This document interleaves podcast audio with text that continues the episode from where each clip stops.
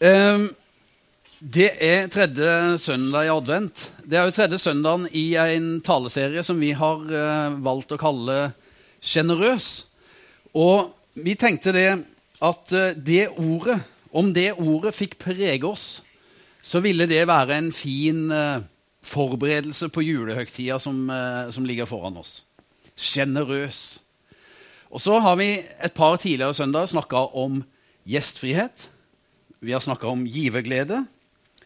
Og i dag så har jeg tenkt å snakke litt om det som er sjøle utgangspunktet for å snakke om sjenerøsitet i det hele tatt, nemlig Guds godhet mot oss. Hvordan Gud har vist sin sjenerøsitet imot deg og det skal vi eh, gjøre ved å se nærmere på en eh, for så vidt eh, ganske kjent bibeltekst i Efeserbrevet kapittel 2. Eh, og noen vil kanskje tenke er ikke det liksom eh, repetisjon av ting som en har hørt før? Og jo, det er det helt sikkert. Men til det så er det å si at en god ting den kan ikke gjentas for ofte. Og Der er jo en uh, gammel teolog, en som het Richard Niebuhr, som sa en gang for lenge siden at de store kristne revolusjoner kommer ikke ved oppdagelsen av noe som ikke er kjent fra før. Men de skjer når noen radikalt griper tak i noe som alltid har vært der. Paulus han sa om sin tjeneste i apostlenes gjerninger at uh, for meg er ikke liv eller død verdt å snakke om, bare jeg kan fullføre løpet av den tjenesten jeg fikk av Herren Jesus, og vitne om Guds nåde. Det var liksom det viktigste for han i dette livet. Det var å få lov å vitne om Guds nåde, om Guds godhet. Om det var én ting som radikalt hadde forandra livet hans, sitt, så var det møtet med Guds nåde. Og Derfor så har jeg jo tenkt og jeg har ønska at denne talen i dag den eh, kunne være en sånn påminnelse til dere med om Guds nåde. Og at gjennom det så måtte Guds nåde i enda større grad få gjøre sin virkning i våre liv. Og at det kanskje kunne skape, om ikke annet, så en liten revolusjon i personlig liv. Og Skjer det i sterk nok grad, så kan det òg bli revolusjon både her og der, slik det skjedde når Paulus reiste rundt med sitt vitnesbyrd om Guds nåde. Og Da må vi lese bibelteksten da, i Efeserbrevet kapittel 2. Og Da leser jeg fra vers 1 og til og med eh, vers 10. Og Da får du forsøke å høre godt etter. Dere var en gang døde på grunn av misgjerningene og syndene deres. Dere levde, den, dere levde, i dem på den nåværende verdens vis og lot dere lede av herskeren i himmelrommet, den ånd som nå er virksom i de ulydige. Ja, vi levde alle en gang som de. Vi fulgte lystne i vårt eget kjøtt og blod og lot oss lede av det og av våre egne tanker. Vi var av naturen vredens barn, vi som andre. Men Gud er rik på barmhjertighet. Fordi Han elsket oss med så stor en kjærlighet, gjorde Han oss levende med Kristus, vi som var døde på grunn av våre misgjerninger. Av nåde er dere frelst. I Kristus Jesus har Han reist oss opp fra døden sammen med ham og satt oss i himmelen med ham. Slik ville Han i de kommende tider vise hvor overstrømmende rik Han er på nåde, og hvor god Han er mot oss i Kristus Jesus. For av nåde er dere frelst ved tro. Det er ikke deres eget verk, men Guds gave. Det hviler ikke på gjerninger for at ingen skal skryte av seg selv. For vi er Hans verk, skapt i Kristus Jesus til gode gjerninger, som Gud på forhånd har lagt ferdige for at vi skulle vandre i dem. Amen. I et intervju i eh, gårsdagens eh, Vårt Land så sier den danske Presten og forfatteren Sørine, Sørine Gottfredsen heter hun. Hun har skrevet en bok som er veldig aktuell akkurat nå, som handler bl.a. om nåde. Og Så blir hun spurt da i dette intervjuet Når jeg sier tro, hva sier du da? Så svarer hun Når du sier tro, så sier jeg synsbevissthet. Og da kan jeg ikke unngå å tenke at for å få tro inn i mitt liv, så er jeg nødt til å ha en eller annen form for selverkjennelse. For virkelig å kunne tro på Bibelens budskap om nåden, om frelsen, om Guds gave og Guds godhet, så må det ligge til grunn en eller annen form for selverkjennelse. En erkjennelse av åssen det egentlig står til med meg sjøl. Hva er min egentlige tilstand som menneske? Eh, hvordan er min egentlige relasjon til Gud i utgangspunktet? Og Da er det interessant å spørre seg da, hvilken, hvilken diagnose stiller vi, og hvilken diagnose stiller folk flest. Og da kan vi si det sånn at det fins sikkert mange kategorier, da, men jeg, jeg skal ta, ta fram noen av dem. Det fins noen som jeg vil kalle for uh, klatrere. De, de, er åndelige klatrere. Uh, de tenker kanskje det at 'jeg vet ikke alt om Gud', jeg kjenner ikke til alt det der. Men gjennom å oppnå noe mer eh, innsikt og noe mer erkjennelse, og sånt, så kan jeg liksom så kan jeg, Akkurat som jeg kan klatre opp en stige, og ved å få mer innsikt, mer forståelse, så oppnår jeg òg å kjenne mer av Gud. Altså Mange av Østens religioner bærer dette her i seg. Eh, og humanismen, som er veldig utbredt i vår tid, har òg egentlig i seg en sånn type tanke som det. Og når en bare kommer til nok erkjennelse og nok innsikt, så oppnår vi nirvana. Eller vi oppnår eh, det vi på en måte kan, eh, kan kalle for det fullkomne verdenssamfunnet, da, der alle lever i harmoni og, eh, og, slike ting. Så har du en annen kategori. Det er ikke klatrerne, men det, det er krøplingene. De har mer en sånn erkjennelse av at det er noen ting som har gått feil. Eh, og De kan kanskje til og med ha en eller annen sånn erkjennelse om at det har skjedd et fall, slik Bibelen eh, beskriver det, at eh, mennesket falt i synd og, og, og, sånne ting. Og at det fallet, det, det skader de stygt. Så de, eh, de, trenger reparasjon på en måte. De, eller de trenger iallfall litt hjelp. Så kanskje ved hjelp av et par gode krykker, eller, eh, eller en rullestol, eller, eller andre Eh, hjelpemidler fra sentralen, holdt jeg på å si, så, så kan en liksom kanskje klare å, å, få satt sammen et liv og skrudd sammen ting slik at det, at det likevel vil kunne være til behag for Gud. Hva sier Bibelen egentlig om vår åndelige tilstand? Ja, Den bekrefter på et vis dette her, at vi har eh, vi har kommet oss eh, bort ifra Gud. Vi har, eh, og for å oppnå kontakt med Han igjen, så, så trenger vi å komme til sjølinnsikt og, og en, en, ny forståelse. Det, det, kan Bibelen for så vidt bekrefte. Når Jesus forteller lignelsen om den bortkomne sønn, så er det jo det som skjer. Han har beveget seg bort ifra farshuset, rota seg vekk. og så mens han ligger der på en måte i syndens pøl da, og, og, lider av det, så kommer han til seg sjøl og så tenker han, jeg vil stå opp og så vil jeg gå hjem til min far. Og Sånn tenker kanskje mange om, om det med omvendelsen. Da. da. kan jeg bestemme for det når jeg ligger der, at nå vil jeg bare stå opp og så vil jeg gå hjem til, til min far. Og så, så, begynner jeg på den vandringen. Bibelen bekrefter for så vidt noe av det der. Eh, den bekrefter òg for så vidt noe av dette her med, med at vi er som, som krøplinger. Altså at vi, vi, eh, vi ligner eh, litt på den lamme mannen, f.eks., som vi kan lese om i Bibelen. at hadde noen venner som, som bar han til Jesus. Han var lam, han lå på en båre. Han kunne ikke komme seg til Jesus sjøl, det skjønte han, men jeg kan be noen venner om å hjelpe meg. Og så ved hjelp av deg så kan jeg jo komme meg til Jesus, sånn at han får helbreda meg og hjulpet meg. Eh, den type historier finner vi òg i Skriften. Men når vi leser Bibelen nøye, da, så forstår vi jo det at eh, det er langt verre enn som så, altså. Paulus han, eh, han sier det at eh, eh dere var døde pga. misgjerningene og syndene deres.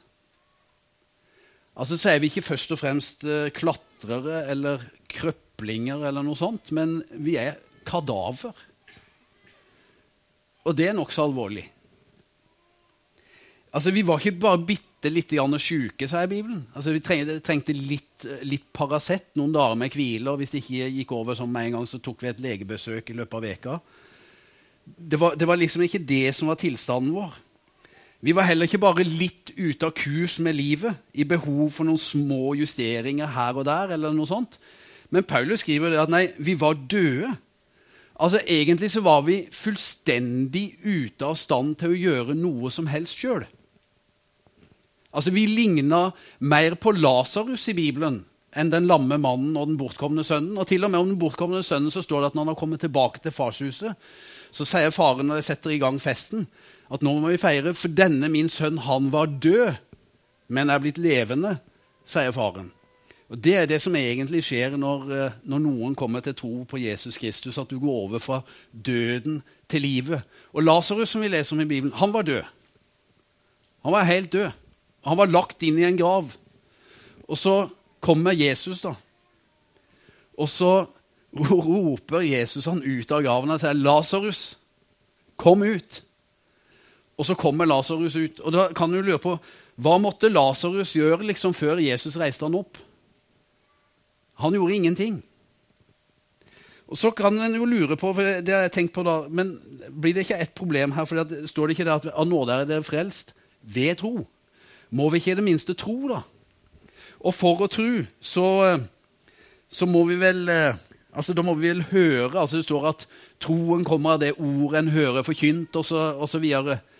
Eh, og åssen funker det da når du liksom er, er helt død? Eh, for vi vet det at om du og meg snakker til døde mennesker, så, så lyder det ikke vår røst eh, så veldig godt. Men det er jo det som er, nettopp er det helt spesielle med Jesu røst. Og hvorfor er det så spesielt med hans røst? Jo, fordi Jesus Kristus han er herre over liv og død. og Han har beseira døden. Han viste det ved å dø på et kors, ved å stå opp igjen, opp igjen. Det er det sentrale budskapet i kristendommen. Jesus har overvunnet døden, og han har gitt oss et nytt liv ved å gjøre det. Så når han taler, så går den røsten like inn forbi gravsteiner og alt som er, så sjøl døde hører det. Han sa det sjøl, Jesus, at sannelig, sannelig, jeg sier dere, den time kommer, ja, den er nå, da de døde skal høre Guds sønns røst, og de som hører, skal leve. Det var den røsten Lasarus hørte, og som gjorde at han reagerte, og at han våkna opp. Og det er den røsten nå som når Guds ord forkynnes, kan nå like inn i et holdt på å si, dødt hjerte, inn i et dødt åndsliv, om det måtte være tilfellet hos deg, og vekke deg opp til liv og kalle deg fram, sette deg i bevegelse, så du nærmer deg Kristus og får tatt imot hans frelse. Jesus taler på en helt annen frekvens enn det du og meg gjør. Han sa til den lille jenta Det var noen som tilkalte han fordi det var en jente som var alvorlig syk, og, og så dør hun, og så kommer Jesus til det huset. og så kommer han opp i det rommet der denne lille jenta ligger. og Så setter han seg ved siden av senga si, og så taler han til jenta og så sier han, 'Talita komi'. Lille jente, stå opp. Og så vekker hun. Og så våkner hun. Det er sånn jeg gjør med dattera mi når jeg går ned om morgenen. Og så går jeg ned til senga til Julie og så sier 'Lille venn, nå må du stå opp.' Og så hører hun min røst, da. Men jeg kan ikke tale slik til døde. Jesus Kristus gjør det. Han vekker mennesker til liv. Det er det han egentlig holder på med. Han vekker mennesker til liv. Det var det største underet han gjorde. Det var at han brøt igjennom dødens makt. Han sto opp. Og gjennom det så gir han nytt liv til, eh, til mennesker. Han vekker oss til liv. Lasarus hørte Guds røst. Han hadde ikke gjort noe som helst for å komme til liv igjen sjøl. Det var ene og alene Guds verk med han. Derfor skriver Paulus at når, når, når, vi kommer til tro, så er det ikke vårt eget verk, men det er kun av Gud. Altså for vi, Unnskyld uttrykket, men vi var daud som ei sild. Det var ingenting vi kunne gjøre. Ingen kan prestere noe som helst for å gjøre seg fortjent til frelsen. Det er ene og alene et verk av Gud, understreker Bibelen. Um, det fortelles om en mann som kom til himmelen. Og ved perleporten da, så møtte han eh, jo Sankt Peter. Han er jo alltid der. Og eh, så sa da Sankt Peter til denne mannen at eh, du, her forholder det seg slik. Du trenger 100 poeng for å komme inn i himmelen. Du forteller meg alle de gode tinga du har gjort, og så gir jeg deg et visst antall poeng for hver av dem, alt etter hvor gode de var. Og når du har oppnådd 100 poeng, så slipper du inn. OK, sa mannen. Eh, jeg var gift med samme kvinnen i, i 50 år. Jeg var aldri utro. Ikke engang i tankene mine. Veldig bra, sier Sankt Peter. Kjempeflott. Det gir tre poeng. Tre poeng, sier mannen. Eh, litt overraska, da. Vel, jeg gikk òg i kirka hele livet. Støtte arbeidet der både med, med tiender og oppgaver og, og, ting jeg gjorde. Fantastisk, sier Sankt Peter. Det gir også et poeng. Et poeng. Uh, ja, men du, jeg var med å starte opp ulike typer sosialt arbeid. Altså, Vi ga, delte ut mat til de fattige. Vi ga husly til bostedsløse. Utrolig flott, sa Sankt Peter. Det må være verdt minst to poeng. Så ser mannen fortvila på Peter, og så sier han men med dette belønningssystemet er det kun Guds nåde som kan få meg inn i himmelen. Bingo! 100 poeng! Stig på!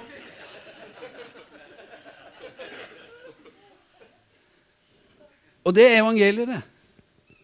Altså, Guds nåde gir 100 poeng. Alt det andre du kan raske sammen Kanskje kan det bli ti poeng til sammen, liksom, men, men, det når ingen vei som helst. Vi er frelst av nåde ved tro, står det. Og så står det vi er frelst her og nå. Og det er faktisk et lite alvor i det. For akkurat her og nå, på det, dette punktet i historien, så er tilstanden din og min enten det vi er frelst, eller vi er døde i våre misgjerninger og overtredelser. Altså Enten er du plukka opp av vannet, liksom, eller så ligger du der og kaver ennå. Um, og så er det òg noe, noe, fint i det budskapet, fordi at Bibelen er så veldig tydelig på det at det går an å oppnå frelsesvisshet, trygghet i det at jeg hører Gud til. Vi er frelst, sier Paulus. Men den største selvfølgelighet. Han er helt trygg i det. Vi er frelst nå, her og nå, ved tro på Jesus Kristus. Bare nåde. Og du skjønner, om du er muslim eller eh, i en del andre eh, trosretninger, eller noe sånt, så, så, får du ikke den vissheten. Du kan aldri vite helt sikkert. Hva kommer egentlig til å skje? Du bærer den usikkerheten med deg alltid. Og så har jeg dessverre også sett at det er så mange kristne og folk som kaller seg kristne også, som går rundt med den usikkerheten egentlig et helt liv. Lurer på er, det, er, er jeg liksom der, eller er jeg ikke der helt? eller Åssen er dette her?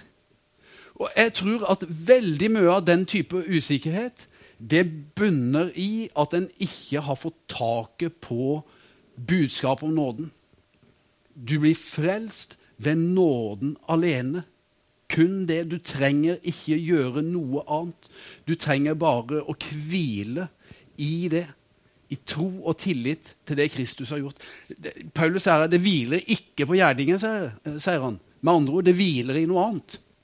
Det hviler i tilliten til, til Kristus sine gjerninger og det han har gjort for dermed. Og når du får tak på det budskapet, og når du tar det inn, så vil du kjenne det at ja, men vi er frelst nå. Det sto jo i teksten at av naturen så var vi vredens barn. Og så bærer folk med seg usikkerheten fordi at jeg går med en eller annen sånn tanke at ja, Gud er vel egentlig sint på meg.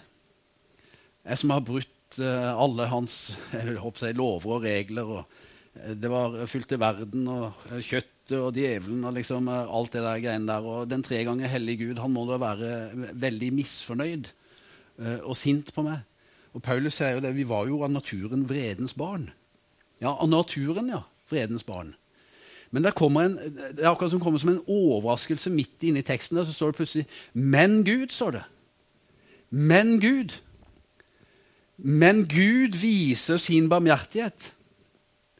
Men Gud han viser sin kjærlighet. Og så er det nettopp det Paulus vil ha fram. At selv om vi kan tenke at Gud egentlig burde være veldig misfornøyd med oss, og egentlig veldig sint og nærmest vred på oss, så er det ikke det som er tilfellet. Det er det stikk motsatte. Det er totalt overraskende. Men Gud viser sin kjærlighet imot oss. Sin godhet viser han imot oss. Han møter oss med nåde. Helt, helt ufortjent. Du, når, en, når en person jobber åtte timer om dagen og mottar rettferdig betaling for sin innsats den dagen, da kaller vi det lønn. Når en person konkurrerer mot andre og mottar et trofé for sin prestasjon, så kaller vi det en eh, pris ofte. Når en, mot, en, person mottar passende anerkjennelse for lang og tro tjeneste eller høy oppnåelse på et felt, så kaller vi det en utmerkelse. Når en person ikke har gjort seg fortjent til noe som helst, og likevel mottar den største gaven, da kaller vi det Guds ufortjente kjærlighet. Guds nåde er det vi snakker om. Sånn er den. Du trenger bare å ta imot. To tomme hender som åpnes for å ta imot ei gave som gis. Det er ikke prestasjon. Tro er ikke å lykkes med noe, men det er tillit til at Gud har lykkes i alt det han har gjort, og alt det han sier han vil gjøre. Det er tro. Ikke satse på sitt eget, men at det Gud har gjort, og det han vil gjøre, det holder. Og Ei gave det er altså noe annet enn å motta lønn. Det vet vi.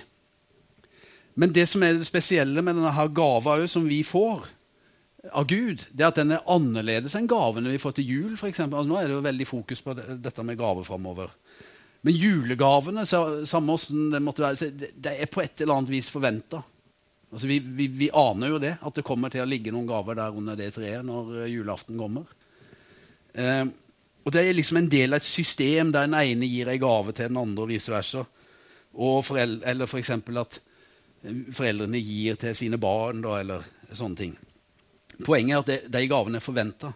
Guds gave, derimot, den kommer helt uforventa. Den er ikke bare overraskende, men den er uhørt. Altså det, det, er nærmest, det, er som om du og meg skulle gi gave til vår verste fiende. Da. Vi sender gave til IS. Um, det, det, er totalt uhørt.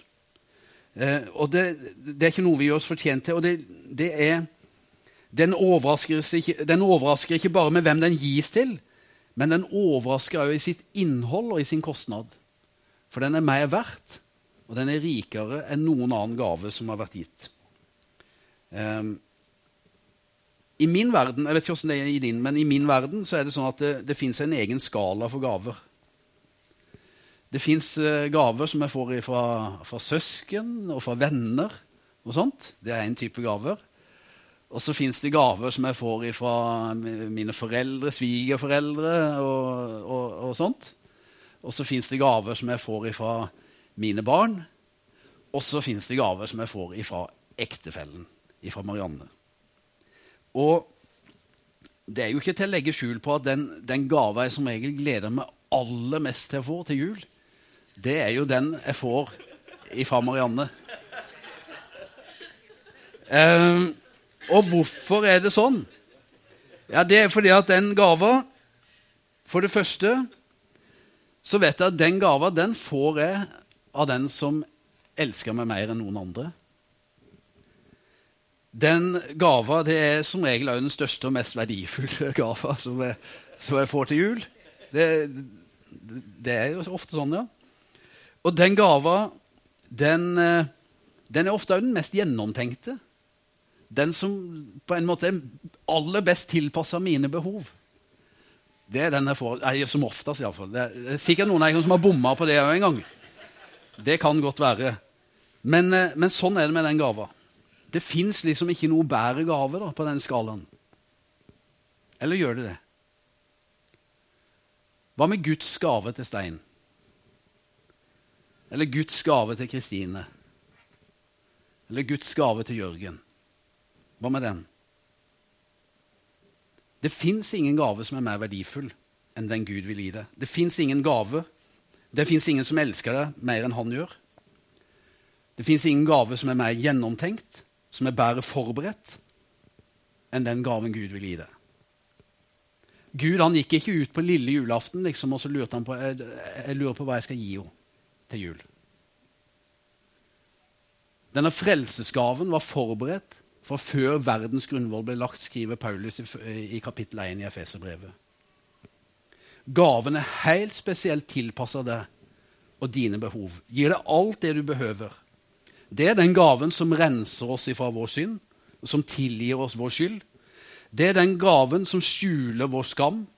Det er den gaven som gir oss en helt ny identitet. Det er den gava som, som, på en måte sier til oss at du er ikke lenger et håpløst tilfelle. Den gava som gir deg rett til å være Guds barn. Og det er den gava som rett og slett gir deg et helt nytt liv i gave. Jeg har hørt noen sånne som har vært lagt inn til en operasjon og fått uh, transplantert noe, eller et eller annet, altså de har fått nytt hjerte, liksom, eller ny nyre, eller et eller annet sånt, og noen kommer ut og det er akkurat som de har fått et helt nytt liv.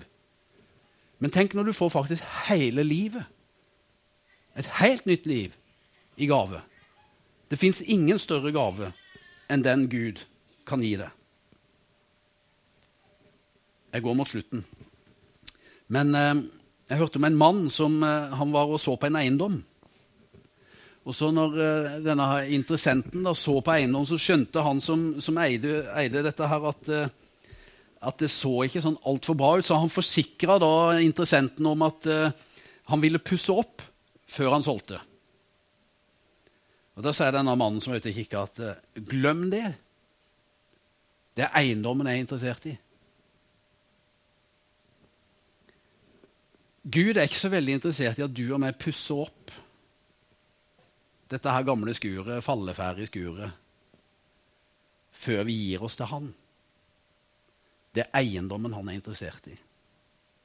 Property. Gi meg eiendomsretten. Og så skal jeg love deg at han vil pusse opp. Og han vil bygge noe fantastisk, noe flott, som du og meg aldri ville klare på egen hånd eller egen kraft. Så står det det når Paulus skriver på slutten her, at, at for vi er hans verk, skapt i Kristus Jesus til gode gjerninger som Gud på forhånd vært ferdig for at vi skulle vandre i dem. Du blir ikke frelst av å gjøre gode gjerninger, men du blir frelst til det. Og Det er òg ting som Gud har tenkt på for lenge siden. Han har lagt det ferdig for deg, akkurat som han har lagt frelsen ferdig for deg før tidenes begynnelse. Så har han òg tenkt på det som du skulle komme inn i. Det finnes en guddommelig plan for ditt og mitt liv. Å bli frelst er ikke bare å bli, bli redda ut av søla liksom, og dratt ut av gjørma, men det er å få lov å komme inn i et helt nytt liv og leve det livet som Gud har for deg. I ferdiglagte gjerninger. Han vil bygge ditt liv nå. Og så har jeg tenkt på det, Hvilke gjerninger er det Gud kaller oss til å gå inn i, da, som er sånne ferdiglagte gjerninger? Det kunne sikkert mange ting jeg kunne ha sagt der.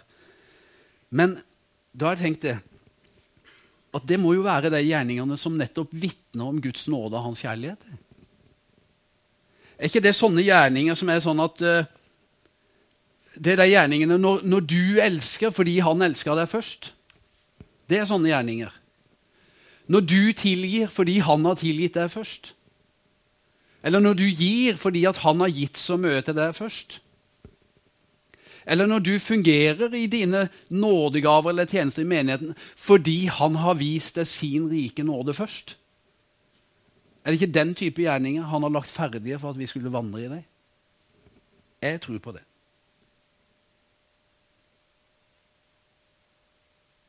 Det handler ikke bare om å gjøre noe godt, men det handler om å gjøre noe godt med den nåden og ut fra den nåden Gud har gitt oss. Det er en som heter Gordon MacDonald som har sagt det at uh, du er ikke nødt til å være kristen for å bygge hus og gi mat til de sultne eller helbrede de syke.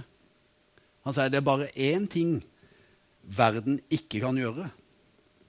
Den kan ikke tilby nåde. Men det kan vi. Tilby nåde. Den helt ufortjente kjærligheten som vi har fått fra Gud, og som vi kan gi videre til andre. Herre,